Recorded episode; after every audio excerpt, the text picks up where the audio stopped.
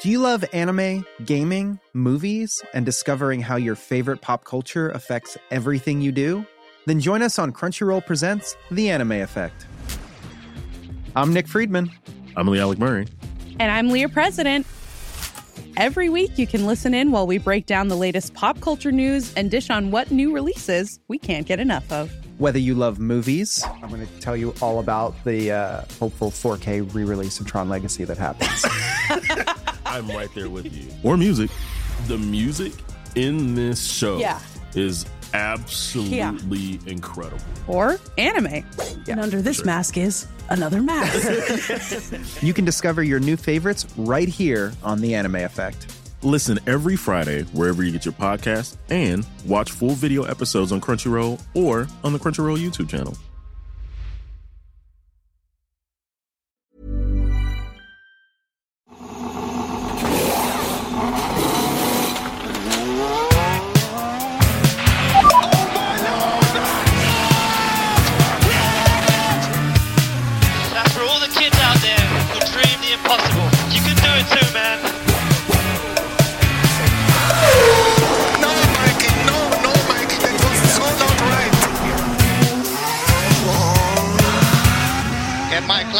And steering wheel.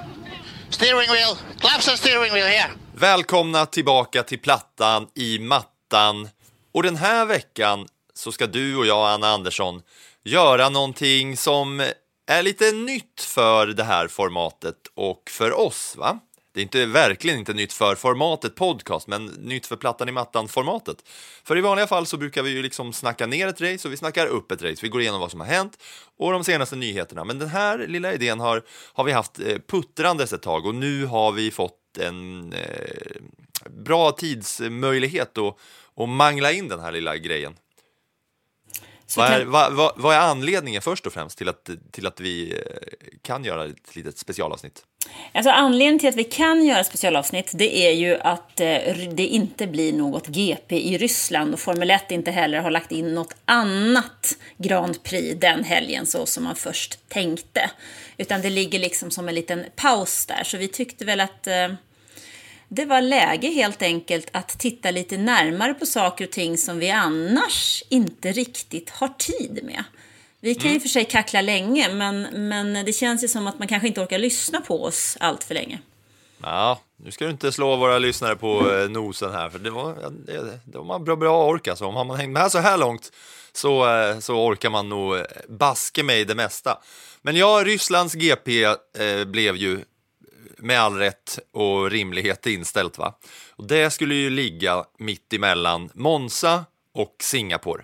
Men i och med att det inte är något ryskt GP så är det ju alltså mellan 11 september och 2 oktober som det inte racear. Det blir ju nästan som ett litet extra, extra höstuppehåll typ i, i F1. Annars är det ju bara sommaruppehållet, sommaruppehållet som är. Men eh, du, Rysslands eh, GP annars då? Alltså, vad är det man missar? Ingenting skulle jag säga. Eh, Eh, jag tycker faktiskt inte det, utan jag tycker att det känns ganska obehagligt eh, under flera år att, köra där. Jag tycker inte att det är ett lämpligt ställe faktiskt. Sen har inte banan varit sådär vansinnigt rolig heller. Så att, eh, nej jag tror inte man saknar det speciellt mycket. Det som blir i år är ju att det blir ju, i, till skillnad på sommaruppehållet då teamen måste stänga sina fabriker i två veckor så kan de ju jobba vidare nu. Så att då är, kommer ju frågan vara här hur många som väljer att jobba vidare och hur många som lägger ännu lite mer fokus mot nästa säsong. Ehm, så att eh, det blir lite intressant att se när vi kommer till Singapore så småningom eftersom det är en helt annan typ av bana. Och ni som lyssnade på det avsnittet vi spelade in efter Nederländerna och inför Italiens GP vet ju att det är en bana som har haft en betydelse för Formel 1s eh, lite mörkare historia kan man väl säga. Och då tänker jag på Crashgate. Mm. Och har ni missat det så eh, kan ni gå tillbaka till avsnittet eh, som heter Hallå, den här bilen har väl fyra hjul faktiskt. Eller något i den stilen, avsnitt 26 av Plattan i mattan efter Hollands, eh, Nederländernas GP. Men Ja, jag, eh, Rysslands GP vill jag bara säga att eh, jag var ju på fotbolls-VM 2018 i Sochi och gick omkring på de där vägarna och åkte segway på de där vägarna, Formel 1-banan är. Och jag, jag liksom kopplade inte där och då hur, att det verkligen var exakt på de, eh, på de gatorna som, som man åker omkring, även fast jag har sett det. Liksom. det var, man var helt inne i liksom, fotbollsvärldstänket. Men just där eh, vid, vid vattnet och vid OS-arenorna så var det ju ändå lite coolt att tänka sig att där åkte de eh, omkring. Men nu har vi bara sagt att vi ska göra ett litet specialavsnitt, men vi har inte sagt eh, vad det är för typ av specialavsnitt som det är. Men det vi har tänkt att eh, klämma in när det, när det är såna här racefria veckor är eh, något som vi väljer att kalla förarnas väg till F1 eller förarnas väg till dagens stol eller förarnas väg bara allmänt hur de har tagit sig hela vägen till den plats de befinner sig på när du lyssnar på det här avsnittet. Att man då djupdyker lite in i varje förare och hur de har tagit sig dit de har tagit sig och varför. Och hur det har raceats innan och, och eh, vilka organisationer man har kört och hur det har gått i F1. Och där har man ju verkligen olika, har man märkt nu när man, när man har gått igenom olika förare och vilka vägar de har tagit, att det skiljer ju sig en del och vissa har ju jättekorta F1-karriärer och då har man fått eh, spana in lite på hur, eh, hur det har sett ut fram dit och sen när man kommer till sådana racinglegender som eh, Alonso och Vettel och sådana där, då finns det ju en hel del F1-nostalgi att gå igenom. Ja, men definitivt, ja, absolut. Det finns ju ett helt gäng där som man känner att de här är ju... Alltså, de här har ju kommit hela vägen på talang eh, och på hårt jobb. Sen finns det ju ett gäng som kanske haft mer eh, tjockare plånböcker än talang. Och det märker mm. vi ju alldeles strax. Men jag tycker vi kör igång. Och då blir det ju så naturligt att man tänker att man kanske börjar på något sätt ifrån botten och tar sig upp till toppen. Och längst bak, allt som oftast, i princip alltid, så står ju Nicolas Latifi 27 år gammal, född 95 i Montreal. Halv iranier, halv italienare och eh, halv kanadensare. Eller vad säger man? En kvarts, kvarts iranier, kvarts italienare och eh, halv kanadensarna. Fast det där tycker jag ju nästan är lite fånigt. Säg den person idag som inte har någon form av kvarts från något annat land. Det har vi väl allihopa, mm. eller? Ja, jo. jo, men här är det ju, här är det ju så att eh, bakgrunden på alla förare är ju inte superintressant hur man har växt upp och när man började racea och sådär. Men just på Latifi så måste man ju börja i familjesidan och inte i racingkvaliteter. Liksom. Att han har kört igenom en massa gokartmästerskap och underorganisationer och bara vunnit allt och tagit sig dit till, till F1. Utan här snackar vi ju om alltså, det är pappa Michael Latifi och så är det mamma Marilena Latifi, född Russo eh, som eh, birth name. Och vi har ju många gånger sagt så här att eh, ja, men Nicolas Latifi, han sitter ju i den där Williams-stolen på grund av pappas pengar. Vad är det då för pappas pengar kan man ju då fundera på och hur är det liksom så att det har, eh, hur, hur förmögen ska man vara för att kunna vara så dålig och ändå få köra i det absolut eh, liksom fin, finaste finrummen av racing. Pappa, alltså, eh, pappa Michael Latifi, förlåt, säg du. Jo, men jag tänker att det är lätt att tänka så här, Latifi, att Latifi, de har liksom ingen, inget företag. Men alla som någon gång har tagit en kopp kaffe som det står Lavazza på, har ju druckit en kopp kaffe där, och pengarna för det har gått rätt in i Nicolas Latifis eh, F1-karriär, exempelvis. Mm. Så att det är ett ja. stort, stort företag det handlar om och han tillhör ju en av de ja, tio rikaste i Kanada. Ja, det är ju så att han är ägare och vd för något som heter Sofina Foods Incorporated. Och det är en logga som man så här, ja men fan den där har man nog sett en och annan gång på olika förpackningar liksom. Och det är någon slags kött och fiskföretag från, alltså i grund och botten som, som han är ägare för, som gör liksom processad mat. Det vi snackar liksom så här eh, fisk, typ fif, olika fiskförpackningar och produkter och det är bacon och det är kött och det är massa sådana grejer. Och sen då investerar de och köper in andra olika märken, bland annat då Lavazza som då är under liksom Sofina Foods eh, paraplyt. Och Michael Latifi är eh, ja, god för ungefär 2,5 miljarder dollar. Men det är inte så att den här eh, Nicolas Latifi bara är pappas pengar för att mamman kommer också från en eh, superförmögen familj. Hon har italienska föräldrar. Där är hennes pappa, alltså då Nicolas Latifis morfar, Lino Saputo, som äger en slags superosttillverkare som heter Saputo Inc.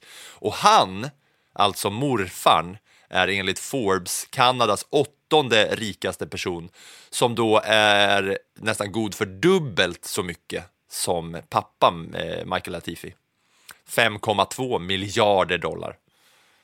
Så det är inte bara på, på liksom ena sidan som, som Latifi har en rejäl förmögenhet eh, på släkten. Han har en tjock plånbok på alla sidor kan vi säga då. Det är väl därför som det kanske också funkar, alltså med tanke på att han började med motorsport så himla sent. Han var tonåring när han började med motorsport och motorsport kostar mycket pengar om man ska ta sig någonstans och ska man dessutom köra så pass mycket som man behöver om man nu har tappat. Alltså jämför med en sån som Max Verstappen, han körde väl eh, go-kart när han var typ tre och samma sak med Lewis Hamilton. Och om man då har tappat tio år från början, ja hur ska man då göra för att ta sig hela vägen? Jo, då måste man ju betala. Ja, ja och det kostar ju då go-kart-grejen, det är ju liksom det är prylar och det är entry fees och det är resor fram och tillbaka och hit och dit. Och, och eh, precis som du säger, Alonso Verstappen började när de var tre. Latifi började när han var 13.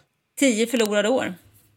Ja, då rände han runt i liksom fina dyra kläder och var på country clubs istället förmodligen, Latifi, istället, medan de andra la ner det hårda jobbet med, med olja och eh, däckspår och slitage och så vidare. Brända fingrar. Latifi han gled omkring med silverhandskar på, började som 13-åring och, och då bestämdes det liksom att han ska bli en eh, racingförare. Och så kollar man då på hur den här gokart-karriären var. Man kan ju se när man går igenom olika förarna att så, ja, men det, finns, eh, det finns lite pokaler och lite vinster här och där och lite sådana här eh, finare gokart. Eh. För det är väl gokart, eller hur? Karting. Är Karting är, go-kart. karting är go-kart, ja. Det första klassen som du börjar kliva in i när det gäller formelbil är ju antingen Formel 3 eller Formel 4. Så det är lite Och då olika pratar- där. Och man pratar ju om formelbilar eh, och vad, vad, heter, vad är det andra? Det, heter, det är sportvagn. Alltså, hur För tänk... att formel, formelbil är ensätesbil och så finns det ju massa racingklasser som är liksom vanliga inom citationstecken bilar. Då, Ja, du tänker på standardvagnar. Ja, exakt så. Det var det ordet jag Eh, sökte. ja, Då det- det ju, finns det ju plats för två, så att säga. Ja, nej men for, insteget till racingen, om man pratar om formelbilsracing, för det kan ju också vara så att man kanske vill köra rally och då kanske man går via crosskart istället eller rallycross och då går man den andra vägen. Men instegen till så att säga eh, racingen är ju formelbilar och det finns ju faktiskt många som går från formelbil för att sen köra eh, andra typer av eh, långlopp, det som kallas för väck eller eh, standardbilsracing som STCC eller DTM eller VTCR, massa olika förkortningar. Så det kan ju vara när man inte liksom har rått, nått hela vägen fram. Eller så kör man i de amerikanska serierna eller japanska och GT-bilar är ju också många som hamnar i. För att det är ju så att Formel 1 har 20 platser i hela världen. Jämför man det med fotboll där du kan spela liksom i italienska ligan, i franska ligan, i spanska ligan, i engelska ligan. Cypriotiska ligan. Ja, men du kan spela, du kan vara proffs i hur många ligor som helst och de har ju trupp, ba- bara en fotbolls, ett fotbollslag, bara i Manchester United har ju fler spelare i sin trupp än vad det finns F1-platser. Så att det, för att sätta lite perspektiv på det, så det är bara det för att man kör Indycar eller man kör GT-racing eller VEX så behöver man ju inte vara en dålig förare. Nej.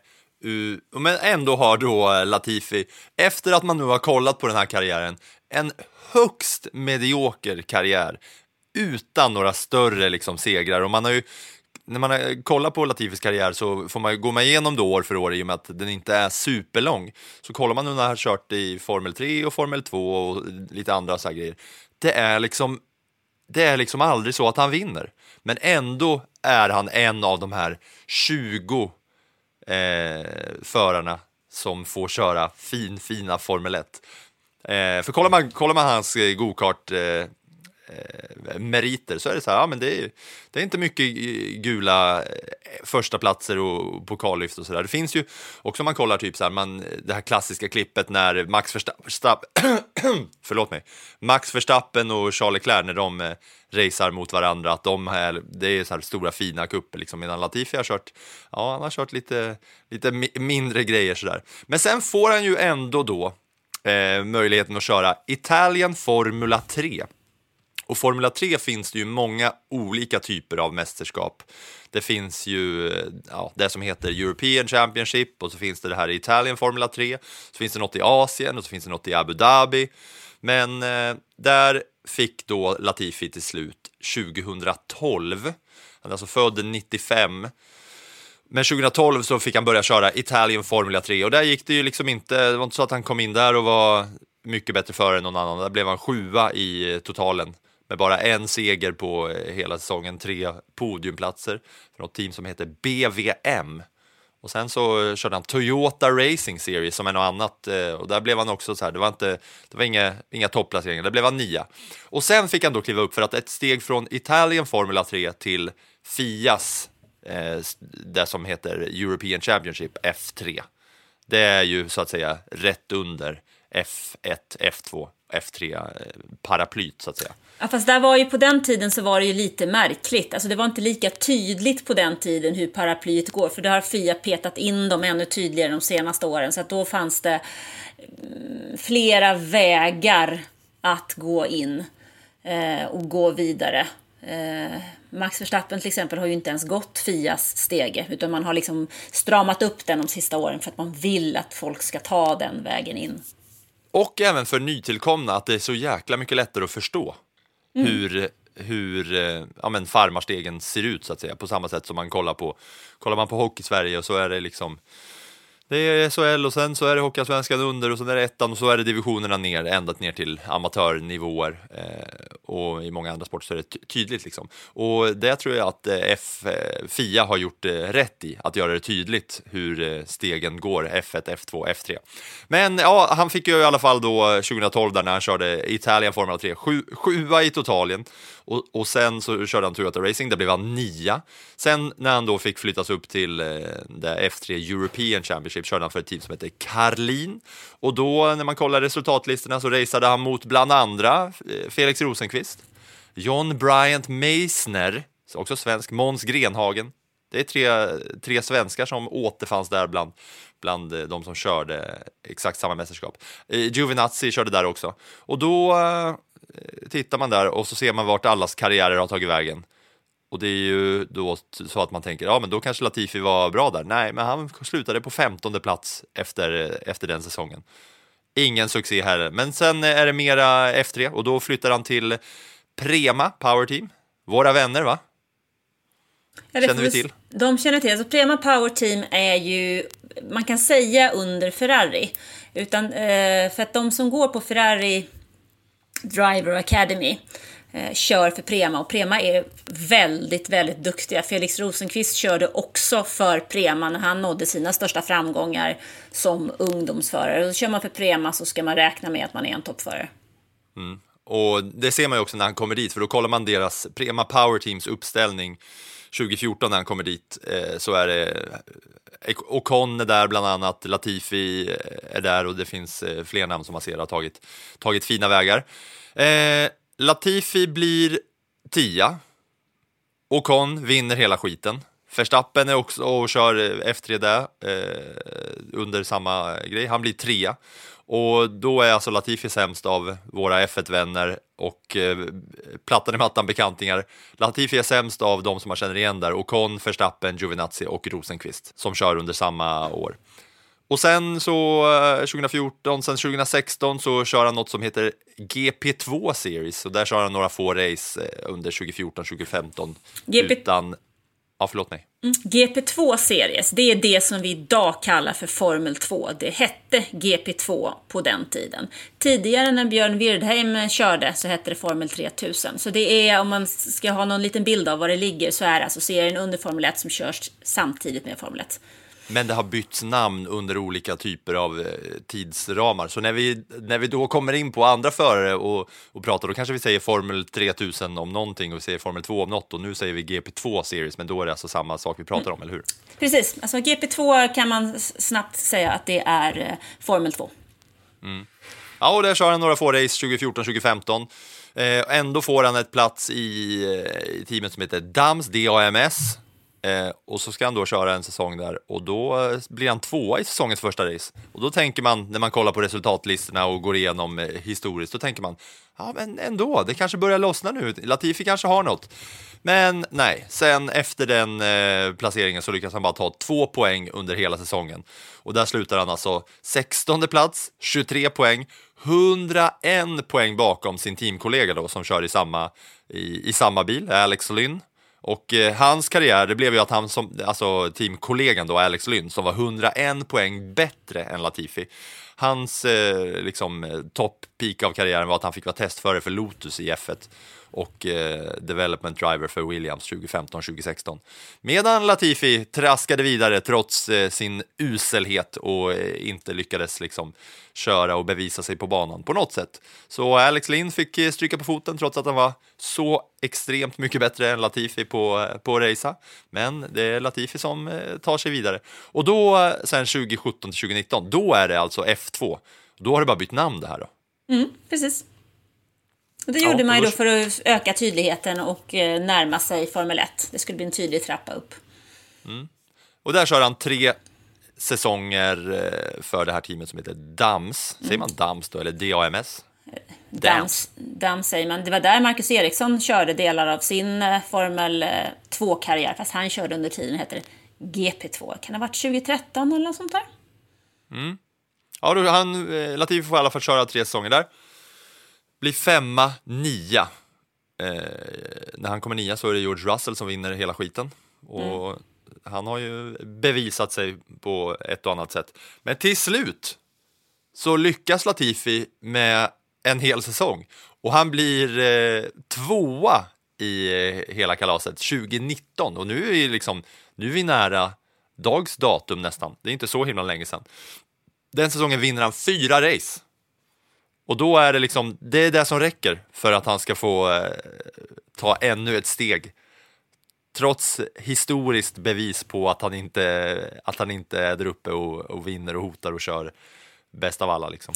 Lång, Men, men efter det så går, så går det upp ett steg. ja, men lång och trogen tjänst och en bra, bra plånbok. Alltså det, han är ju långt ifrån den enda föraren som har gjort halvdana resultat eller har kört länge i Formel 2 och har gjort, ändå till slut gjort någon form av bra resultat. Och så tar man sig upp till Formel 1 och har en, en eh, penningpåse med sig alltså för att ta sista biten. Alltså det, vi behöver liksom inte gå så himla långt för, för att se den biten.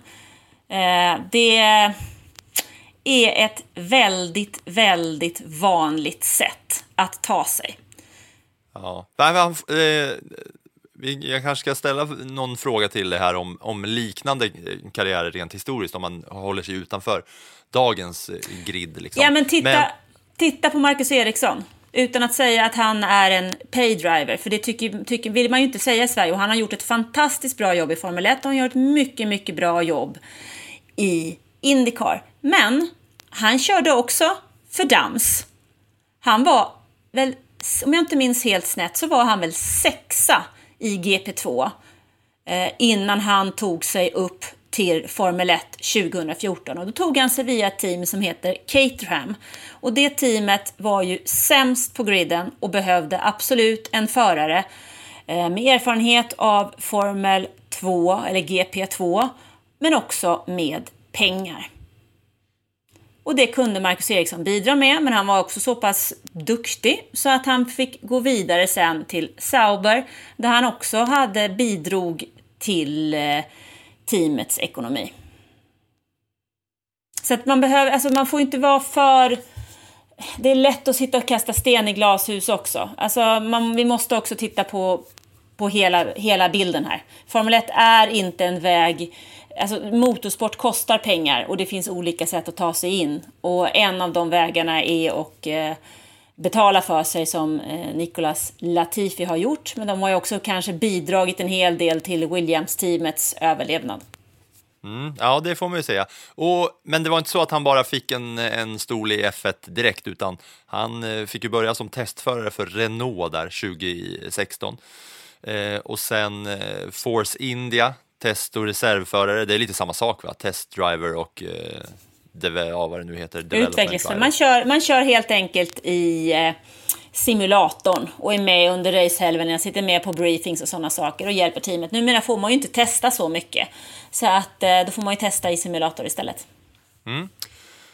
Han fick göra sin första träning när han fick ut och köra bil på eh, första träningen i Kanada 2018. Och där gör han då 19 bästa tid. Så ingen eh, succé där första träningen heller som man kan se att vissa andra förare har gjort när de väl har fått eh, chansen, att de kliver fram och visar att här finns det fart. Men sen så blev det Williams som test och reservförare där han ersätter Robert Kubica.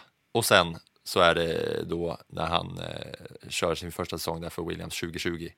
Noll topp 10 platser, enda föraren som tar noll poäng av alla slutar bakom Nico Hulkenberg och Hulkenberg körde bara två race och Latifi tog ändå mindre trots att han körde alla lopp eh, den säsongen.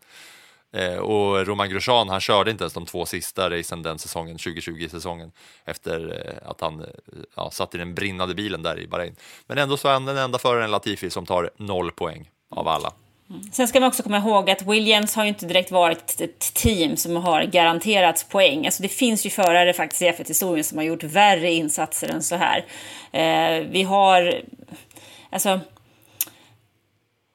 Nicolas Latifi har ju inte haft en F1-karriär som har varit strålande på något sätt, utan han, många av oss minns honom egentligen för det avgörandet i VM-finalen 2021 när han kraschade bilen på ett olämpligt ställe. Jag skulle tippa på att när han skrev kontraktet med Williams så var det ett treårskontrakt. Um, och han har väl antagligen uppfyllt sina delar med sponsorsbitarna så därför blir det väl intressant att se vad som händer efter den här säsongen. För eh, det kan ju inte ha legat några poäng i den där potten i alla fall. Nej, verkligen inte. Ja, men eh, du var inne på det där, 2021-säsongen och det man minns honom för. Alltså, han har ju bara varit en sån förare som har legat längst bak. Man har kanske irriterat sig lite på honom för att han orsakar eh, röd flagg titt som tätt och han kraschar och ser till eh, saker. Men han klev ju verkligen in i rampljuset när han avgjorde hela mästerskapet 2021 när Hamilton ledde i Abu Dhabi och så är det ju faktiskt det är Latifi som helt på egen hand sladdar, kraschar och orsakar då eh, hela kaoset som, som slutar i den där kalabaliken som gör att Hamilton hamnar längst fram och Max Verstappen bakom med, med, eh, med fräscha däck. Det är ju alltså Latifi. Men eh, för hans egen del då så eh, slutar han på 17 plats det året. Sju poäng efter en sjunde plats i Ungern och en nionde plats i Belgien. Det var två veckor i rad där som han tog två, eh, ja, sina, sina poäng så att säga. De enda som var sämre än honom 2021, det var eh, Haas-bilarna som, som ja, knappt åkte framåt med Mazepin, Schumacher och sen var det Giovinazzi. Det var de enda tre som var sämre än Latifi. Och 2022, när vi är här i år, har man lyssnat på podden så har man ju ändå fått höra oss eh, berätta att vem kom sist? Jo, det var Latifi. Alla hans eh, placeringar kommer här. 16 gick inte i mål. 16, 16, 14, 16, 15, 15, 16, 12, inte i mål, inte i mål. 18, 18. De gånger han har liksom sina fina placeringar, 14, 15, 16 och sådär, så är det ju ofta för att det är andra bilar som har, som har brunnit. Där har du eh, eh Nicolas eh, Latifi, eh, son of Michael. Ja. Där har du hans eh, karriär och, och, och, eh, väg fram till där vi är idag. Jag kan ju inte känna att jag blir så här jättesugen på att se honom i F1 2023. Nej, vad tror du då? Jag tror att det hela kommer att koka ner i en fråga om han bidrar med mer ekonomi till teamet än vad han kostar teamet. Skulle någon annan förare ha varit bättre att ha- ha med som ger teamet mer pengar i slutändan så att teamet kan utveckla sin bil. Det är ju det det handlar om. De har en bra förare i Alexander Albon som plockar poäng till teamet. Kan de ha en bra förare till som kan bidra med lika mycket ekonomi för utvecklingen som Latifi gör eller inte? Där någonstans tror jag att man eh, kommer att hamna. Och man ser ju det återigen den här säsongen att eh, Alex Albon tydligt bättre, plockar poäng, kör snabbt, tar sig vidare i, eh, i, i kvalen. Samma sak innan, då var det Russell som var bredvid. Mm, Också samma sak där. Ja, men så är det. Men frågan är ju, vad, det, det, det kommer ju komma ner till det. Vad bidrar han med? Kostar han mer än vad han smakar? Eller är det, så, är det tvärtom? Det är den diskussionen som Williams behöver eh, lösa. Och vart Williams eh, lägger sina ambitionsnivåer så att säga rent sportsligt. Sportsligt. Ja, men alltså de kommer ju inte kunna slåss om en eh, VM-titel inom två år. Så det handlar ju om hur, alltså det handlar om pengar för att fortsätta utvecklingen.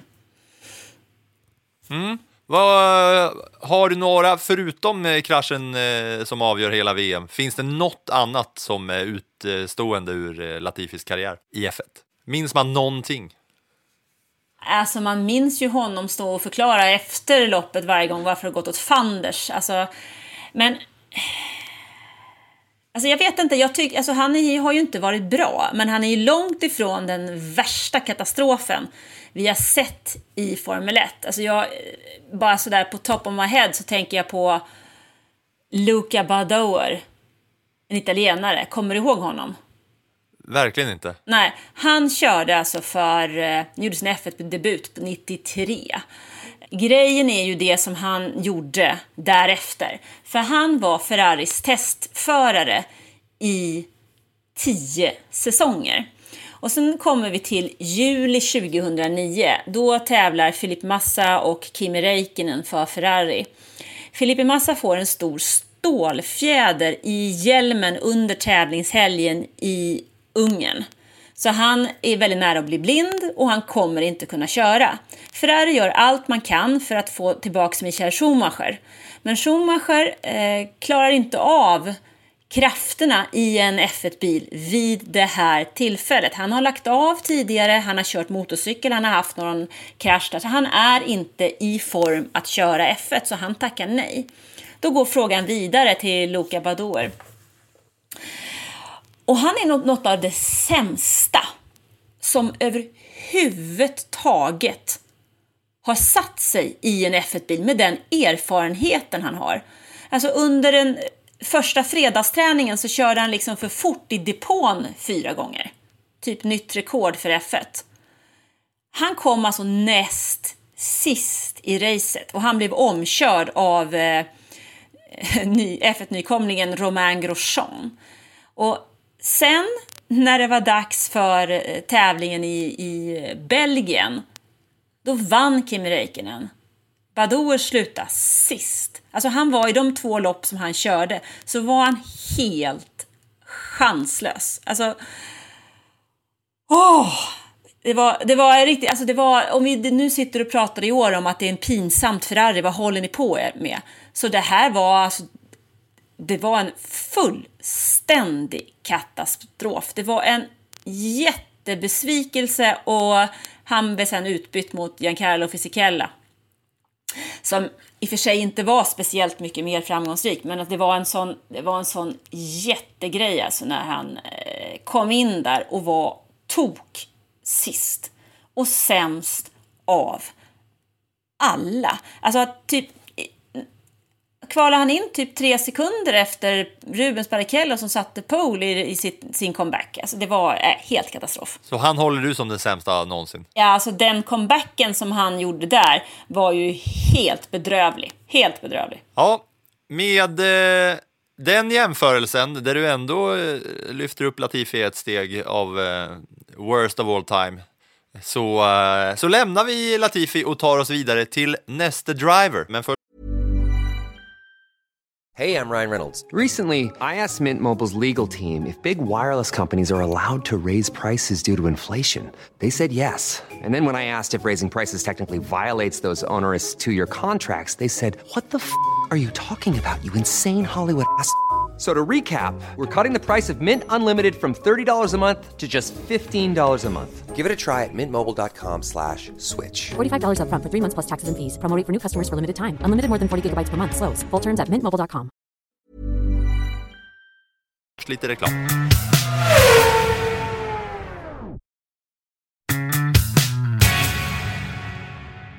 Och då om man går eh, nerifrån där, eh, team för team, och så tar man varje förare som är, eh, har minst poäng i det teamet, då blir det så att vi landar i en till pappas pengar-person, nämligen Lance Stroll, som egentligen inte heter Lance Stroll, utan hans riktiga namn är Lance Strulovic i Aston Martin. Visste du det? Struligt värre. Ja, jag hade väl en aning om att det inte var Stroll, fast Stroll är ju ett betydligt bättre artistnamn. Ja, fast ändå. Strulovic alltså, det är, det är inte dumt. Men det är så de heter i alla fall, familjen. Lawrence och Lance Strulovic. Och eh, den här rackaren, han är också född i eh, Montreal. Mycket yngre, eller mycket yngre, ja han, han är ett par år yngre. Han är ju född 98 va? Lance Strulovic Stroll. Han känns ju som en veteran. Han har varit med i evigheter, fast han är väl typ 23. Ja, det stäm, Det, det är ju inte sant, men eh, han har ju, han har ju, namnet har ju varit där i krokarna under, eh, under lång tid ändå, va? med tanke på den ändå unga åldern så att säga. Född 98 och ändå har kört ett, en, bunt, eh, en bunt race, va? ett par varv så att säga. Och eh, nu blir det ju så här att det blir ju ett pappas pengar-avsnittet för att ska man gå igenom eh, Lance Strolls eh, karriär och, och hans väg till F1 så inkluderar ju det också pappas pengar. För att där har vi ju en faktiskt ännu mer förmögen pappa när vi kommer till eh, pappa Lawrence Strulovic. Eller ja, Lawrence Stroll har ni väl hört, men ja, han, det är han som heter Strulovic. Han är snäppet rikare än pappa Latifi. God för 2,9 miljarder dollar. Och på samma, eh, på samma sätt som att Lance Stroll har en rik pappa så har även hans pappa en rik pappa. För Lawrence Stroll, som är ägare av, eh, ägare av teamet också, Aston Martin, hans pappa Leo, det vill säga Lance farfar Leo Stroll, han var den som tog bland annat eh, märkena, liksom klädesmärkena, Ralph Lauren till Kanada och sen vidare till Europa.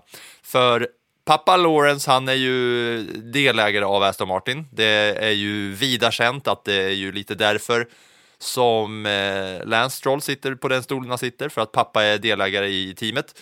Men han har gjort sin förmögenhet på fashion och eh, modeimport. Det är där han har byggt liksom ett imperium tillsammans med eh, farfar Leo. Då.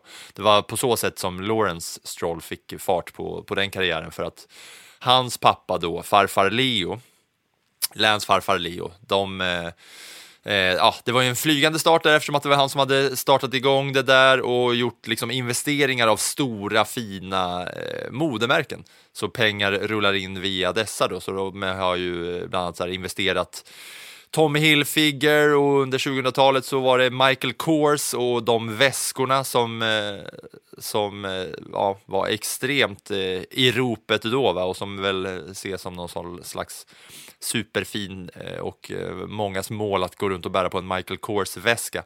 Så det är ju massa sådana olika aktieholdingsbolags bla bla bla som har skapat det här megamiljardimperiet. megamiljard-imperiet. Och sen så eh, var det då så att eh, han investerade 182 miljoner pund, nu snackar vi lite olika eh, valutor här va, eh, men för att köpa 16,7 procent ägandeskap i Aston Martin. Och det var då som man fick se då den här Aston Martin-bilen, för det var ju ett konstigt byte va, när, eh, när Aston Martin dök upp. Ja, alltså knasigt och knasigt och konstigt vet jag inte om man kan säga. Därför att det där är ju ett team som har en viss historia av förändringar. Eh, några av er kanske känner igen Force India. Det är ju det första namnet i det teamet som bildades redan 2008. Och sen bytte det namn igen till Sahara Force India och sen vart det Force India Racing Point.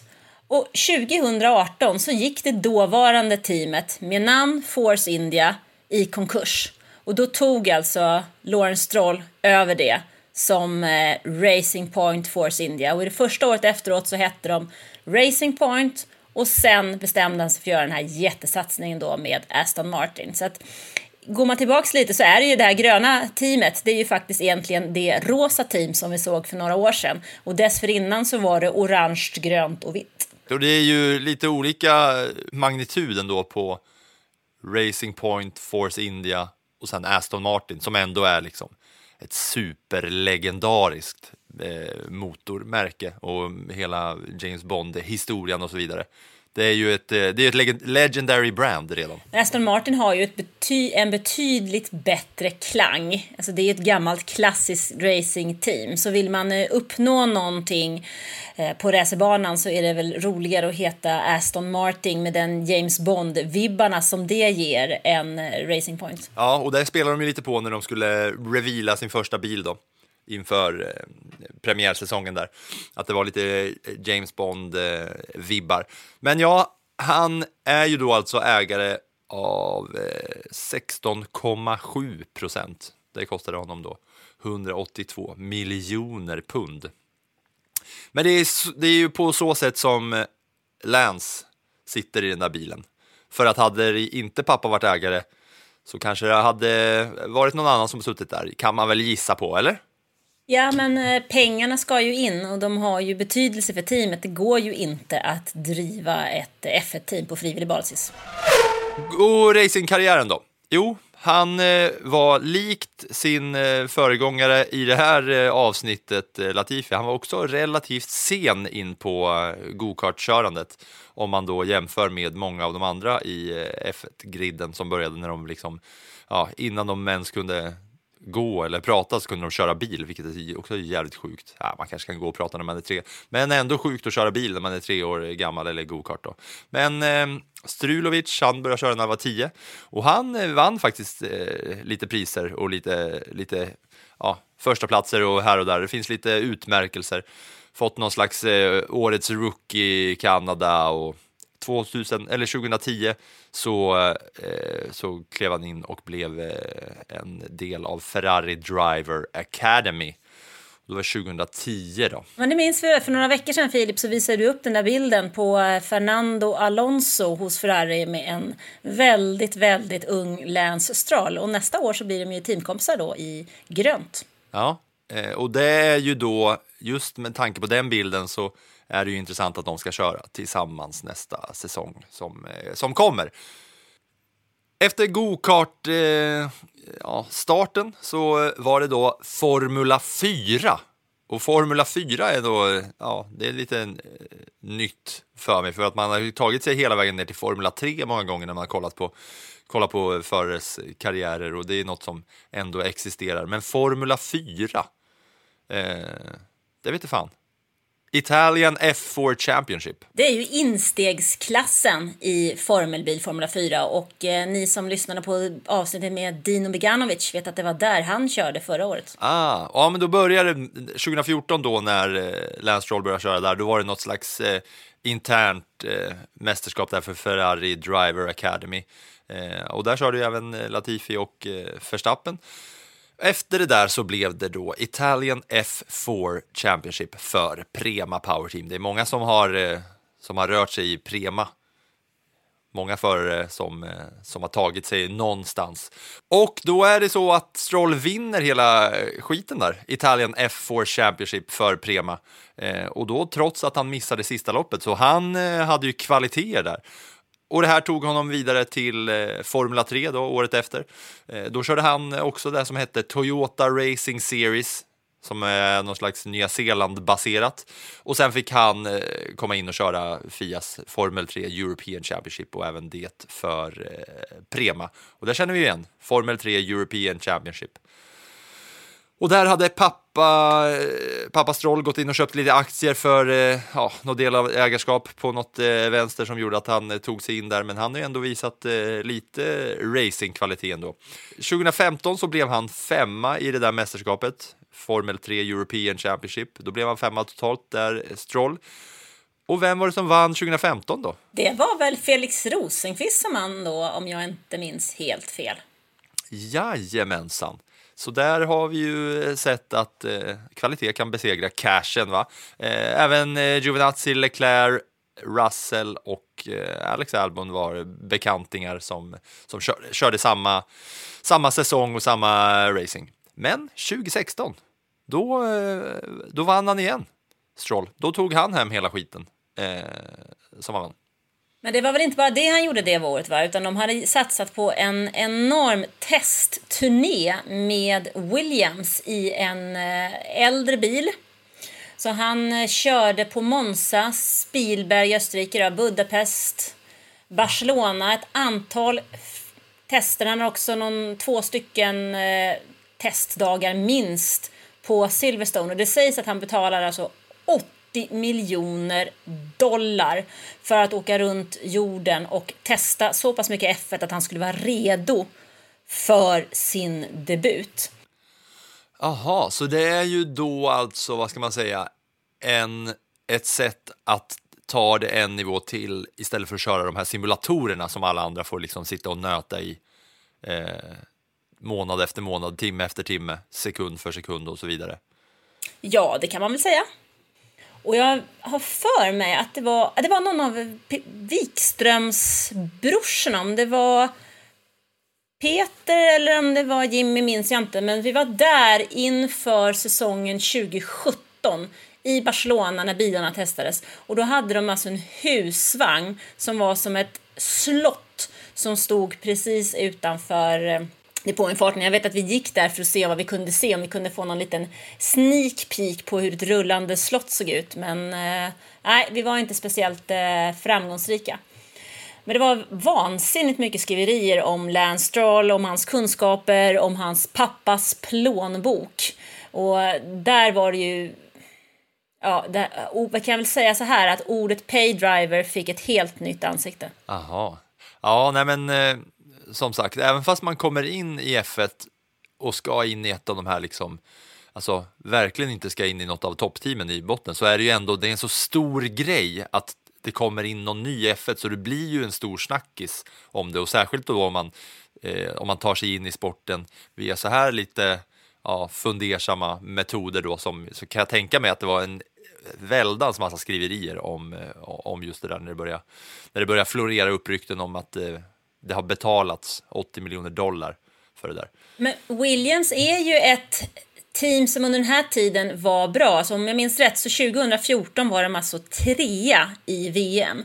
2017, det år som Lance Stroll kommer in, så är de fortfarande med ja, längre upp i fältet. Felipe Massa var sexa, om jag inte minns helt fel, i starten den säsongen. Men det var ju eftersom det är ju ett team som har behov av pengar. Man hade motorer från Mercedes som var bra, men det räcker ju inte. Man behöver ju få in ännu mer för att växa och bli ett ännu bättre team, för Williams är ju ett gammalt mästarteam.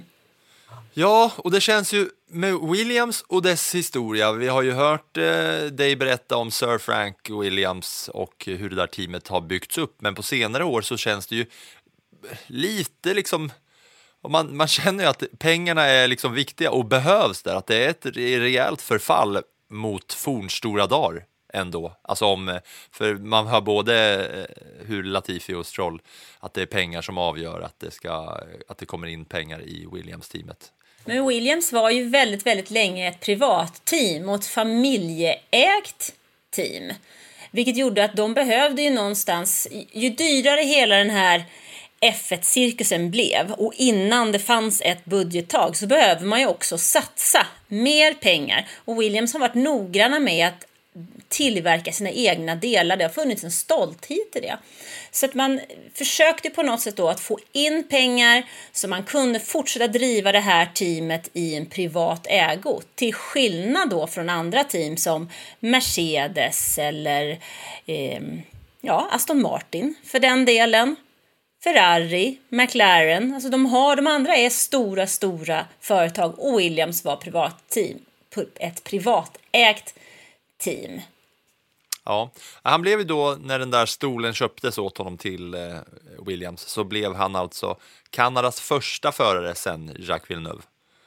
Eh, och då fick han en stol bredvid Felipe Massa i, eh, i Williams där då. Och då eh, 2017 så ska han då in med dunder och brak i eh, Formel 1-cirkusen och då börjar han på allra bästa sätt genom att krascha på första träningen i Australien. Åker på ett grid penalty för att de måste byta växellåda. Och det är starten för honom. Liksom. Sen är det under den säsongen två stycken eh, did not finish direkt, som han inte tar sig i mål. Under den säsongen är han som bäst trea i Azerbajdzjan och eh, där racet så är det en sån att han är på väg till en andra plats men bara meter från mållinjen så kommer eh, finnen Valtteri Bottas som ett skott och tar över den eh, positionen. Det var på väg till att bli en andra plats för, för Stroll. Men eh, Bottas dök upp där. Det har väl hänt flera gånger efter det va? På, eh, för Bottas. Han har väl kört förbi Ocon också så här, precis på sista sekunden någon gång minns jag precis när han ska passera mål, eh, mållinjen. Men när eh, Stroll i alla fall kör i mål där så blev han den yngsta rookien och den näst yngsta förare efter eh, Verstappen att landa på F1-podiet. Eh, då var han 18 år och 239 dagar, så det är, ändå, det är ju ändå lite accomplishment ändå av Stroll. Han tog ändå hälften av teamets poäng under den första säsongen. Han såg ju ändå förhållandevis bra ut. Det kändes som att det kunde finnas någonting att bygga på där vägen till F1 inkluderar ju en hel del vinster, så jag ska säga efter att ha gått igenom både Latifi och Strolls karriär så har jag ändå eh, fått upp eh, lite mer respekt för Stroll för att han eh, faktiskt kör på ett sätt som eh, ger honom, eh, ger honom cred och Creed. Eh, den första säsongen så, ja, det var 40 poäng, du sa hälften där ja. ja. och då blev han 12 i totalen för Williams. Sen, eh, så det var en ganska bra debutsäsong där 2017 för honom. Men sen blev det tyngre, då blev han bara 18 eh, och körde bara in 6 poäng där. Det var hans eh, sämsta säsong fram tills idag då. Eh, då han är där nere i eh, lika få poäng ungefär. Sen så blev det Racing Point 2019 till 2020 och då var det ju eh, också så att ja, det var någonting så att pappa Stroll fifflade lite där med Racing Point. Så där bytte de ut Esteban Ocon som satt i Racing Point-stolen och då blev det Stroll eh, och då var det Stroll och Sergio Perez i Racing Point. Det är kul att se alla eh, team pairings på, eh, all, på allas eh, vägar, hur de har tagit sig till sin stol idag. Så då var det Stroll och Perez. Började bra men blev eh, femtonde, tog bara 21 poäng där, samtidigt som Perez tog 52. Och Perez kvalade ut eh, Stroll 18 av 21 gånger den säsongen. Ja, men att eh, Sergio Perez var starkare var ju kanske inte så konstigt med tanke på att det är en, spelare, en förare som har följt det här teamet under väldigt, väldigt många år. Och eh, Alltså Racing Point var ju ett team på dekis. Det gick i konkurs och då gick eh, Lawrence Stroll såg sin möjlighet. Han var på den tiden i Williams då med eh, sin son Lance Stroll. Men här fick han ju en gratis möjlighet att köpa det där teamet som han tänkte att han kunde göra till sitt och på så sätt eh, lyckas vinna den där VM-titeln som han drömmer om. Och då eh, rent affärsmässigt så är det väl också eh, någon slags, han, och han är, han är ju en eh, flink och skicklig affärsman så han såg väl, såg väl pengamöjligheterna där också med ett team som har gått i konkurs och ändå kunna få vara kvar i racingens finrum och sådär. Det blev ju en säsong till under samma namn 2020. Då blev det lite bättre för Stroll med ett par fjärdeplatser och två stycken tredjeplatser upp på podiet. Under den säsongen så tog han en pole position också och då blev han den första kanadensaren sedan Villeneuve och att göra den saken. Det gjorde han i Turkiet där det regnade och var vått. Så det visar ju också prov på någon slags kvalitet att ändå lyckas eh, manövrera bilen och köra snabbast av alla. Eh, han blev 11 totalt den säsongen med eh, 75 poäng och eh, ja, det gick lite bättre för hans teamkollega Perez. Men eh, det var Racing Point-tiden. Det var ju den här rosa eh, bilen där som, ja, det har man sett, den som har kollat på Drive to Survive, när, när den där bilen rullar ut inför säsongen. Så bygger de upp det så snyggt i serien så dramatiskt att alla tittar på den här bilen när den rullar ut. Och då för ett otränat öga så tänker man ju bara jaha, och alla säger bara jaha, och alla som ser den där bilen ser ju bara att det är ju en rosa Mercedes, den är ju helt kopierad från Mercedes. Och så tänker man ju, men alla bilar ser ju likadana ut. Men eh, det blev ju lite hula baloo kring det där. Men alltså Racing Point har ju varit ett team som har jobbat tight, har gjort väldigt mycket av små förutsättningar. Man har inte alls haft de här jättepengarna under den tiden innan. Man har haft duktigt folk och lyckats hitta smarta lösningar och på så sätt också ta bra poäng. Alltså, teamet slutade ju fyra året innan det blev Aston Martin. Så att det vi har sett i år är ju en helt annan sak. Och därför kanske man har ännu mera rätt till att vara besviken på Aston Martins resultat för att det borde ju, alltså de kommer ju med, med bra bagage så att säga. Eller hur? Jo, det tycker jag absolut att du har rätt i Filip. För därför att eh, Aston Martin har varit ett bra team, men de har gjort en total felbedömning av reglementet inför den här säsongen. Så att den där gröna smäckra bilen som, som Sebastian Vettel hade hoppats på att han skulle vinna race med, istället så har det ju varit en grön sköldpadda som har legat och truckat längst bak. Men eh, vi kommer ju in på det där eh, så att säga, Aston Martin-tiden. För sen blir det ju Aston Martin 2021 och eh, 2022. Och då är det ju så att eh, pappa Strulovic återigen fixar med, med siffror och färger och vips så var Racing Point Aston Martin med 16,7 procent eh, Strulovic-aktier. Vettel in, Perez ut. Aston Martin kände, kändes eh, lovande i början och eh, Stroll tog då, alltså under första säsongen, så han tog större delen av sina 34 poäng i de första 10 omgångarna. omgångarna.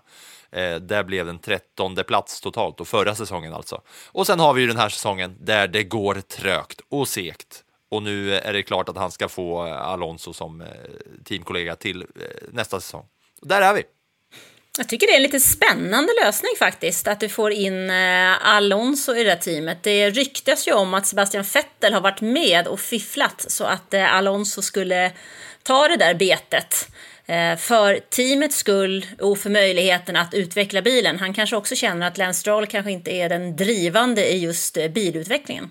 Tror du att Stroll är en typ av förare med den bakgrunden som han har nu när vi har lyssnat igenom det, att han behöver en rutinerad och mer erfaren förare bredvid sig för att teamet ska funka?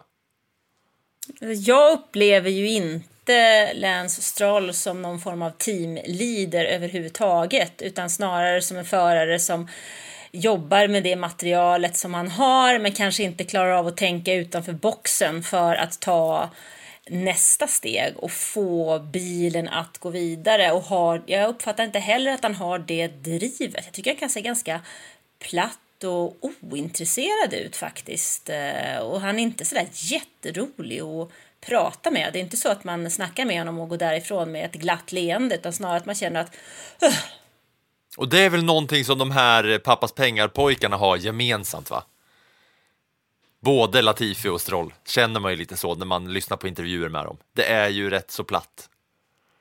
Noll karisma, men mycket cash. Men eh, jag tror inte att det är så att om du aldrig har behövt, eh, om du inte har behövt jobba för någonting som du själv brinner för i livet så kanske man inte har behövt utveckla den sidan. Ibland så är det ju så att man faktiskt har nytta av att lära sig och fightas för någonting som man verkligen vill. Jo, det tror jag verkligen. Det är precis min åsikt att exakt så är det faktiskt. Eh, men eh, när man har kollat igenom Strolls karriär så här så ser man ju att det finns ju... Han har ju ändå kört bra och vunnit saker till skillnad från eh, Latifi och visat potential. Han är 23 nu. det känns som att vi kommer få dras med eh, Stroll och familjen Strulovic ett tag va? Så länge som pappa Stroll eh, tycker att det är värt att lägga de pengarna på ett F1-team så kommer vi nog få dras med Lance Stroll. Men om det är tre år, fem år, tio år eller femton år, jag har ingen aning om hur snabbt han tröttnar. Kommer han bli världsmästare någon gång? Lance Stroll? Nej, det tror jag inte. Jag hade trott att du skulle få säga då, jo, men då ska jag fan köpa en alpinhatt och checka upp den om Lance Stroll blir världsmästare. Men så långt vågar du inte dra det. Det är ju din uppgift att käka alpinhattar, Ja. inte min. Ja, eh, där har ni Lance Stroll och eh, Nicolas Latifis väg till sin förarstol i Formel 1 vid dags datum. Jag hoppas ni tyckte att det var kul. Eh, Jag tyckte det var roligt att gå igenom de här karriärerna och framförallt när jag gått igenom de här karriärerna ser jag fram emot att få snacka om de som har lite finare och längre F1-karriärer. Det ska väl bli kul, Anna, när vi kommer in på Alonso och Hamilton och de gamla gubbarna. Mm, men vi har en bit kvar va? Ja, nästa vecka så kommer det bli några nya förares väg till F1 och det kommer ni få höra vilka det blir nästa vecka. Men eh, ja, som det är nu så tackar vi för att ni har lyssnat på, eh, på det här specialavsnittet som vi gör på grund av att Rysslands GP är inställt och därför har vi en till racingvecka eh, eller en till vecka som inte är en racingvecka som bara är ett eh, ja, en eh, en eh, sträcka, vad heter det, en transportsträcka till, eh, till nästa eh, Grand Prix. Så därför får ni ett liknande avsnitt nästa vecka med nya förare. Tack för idag!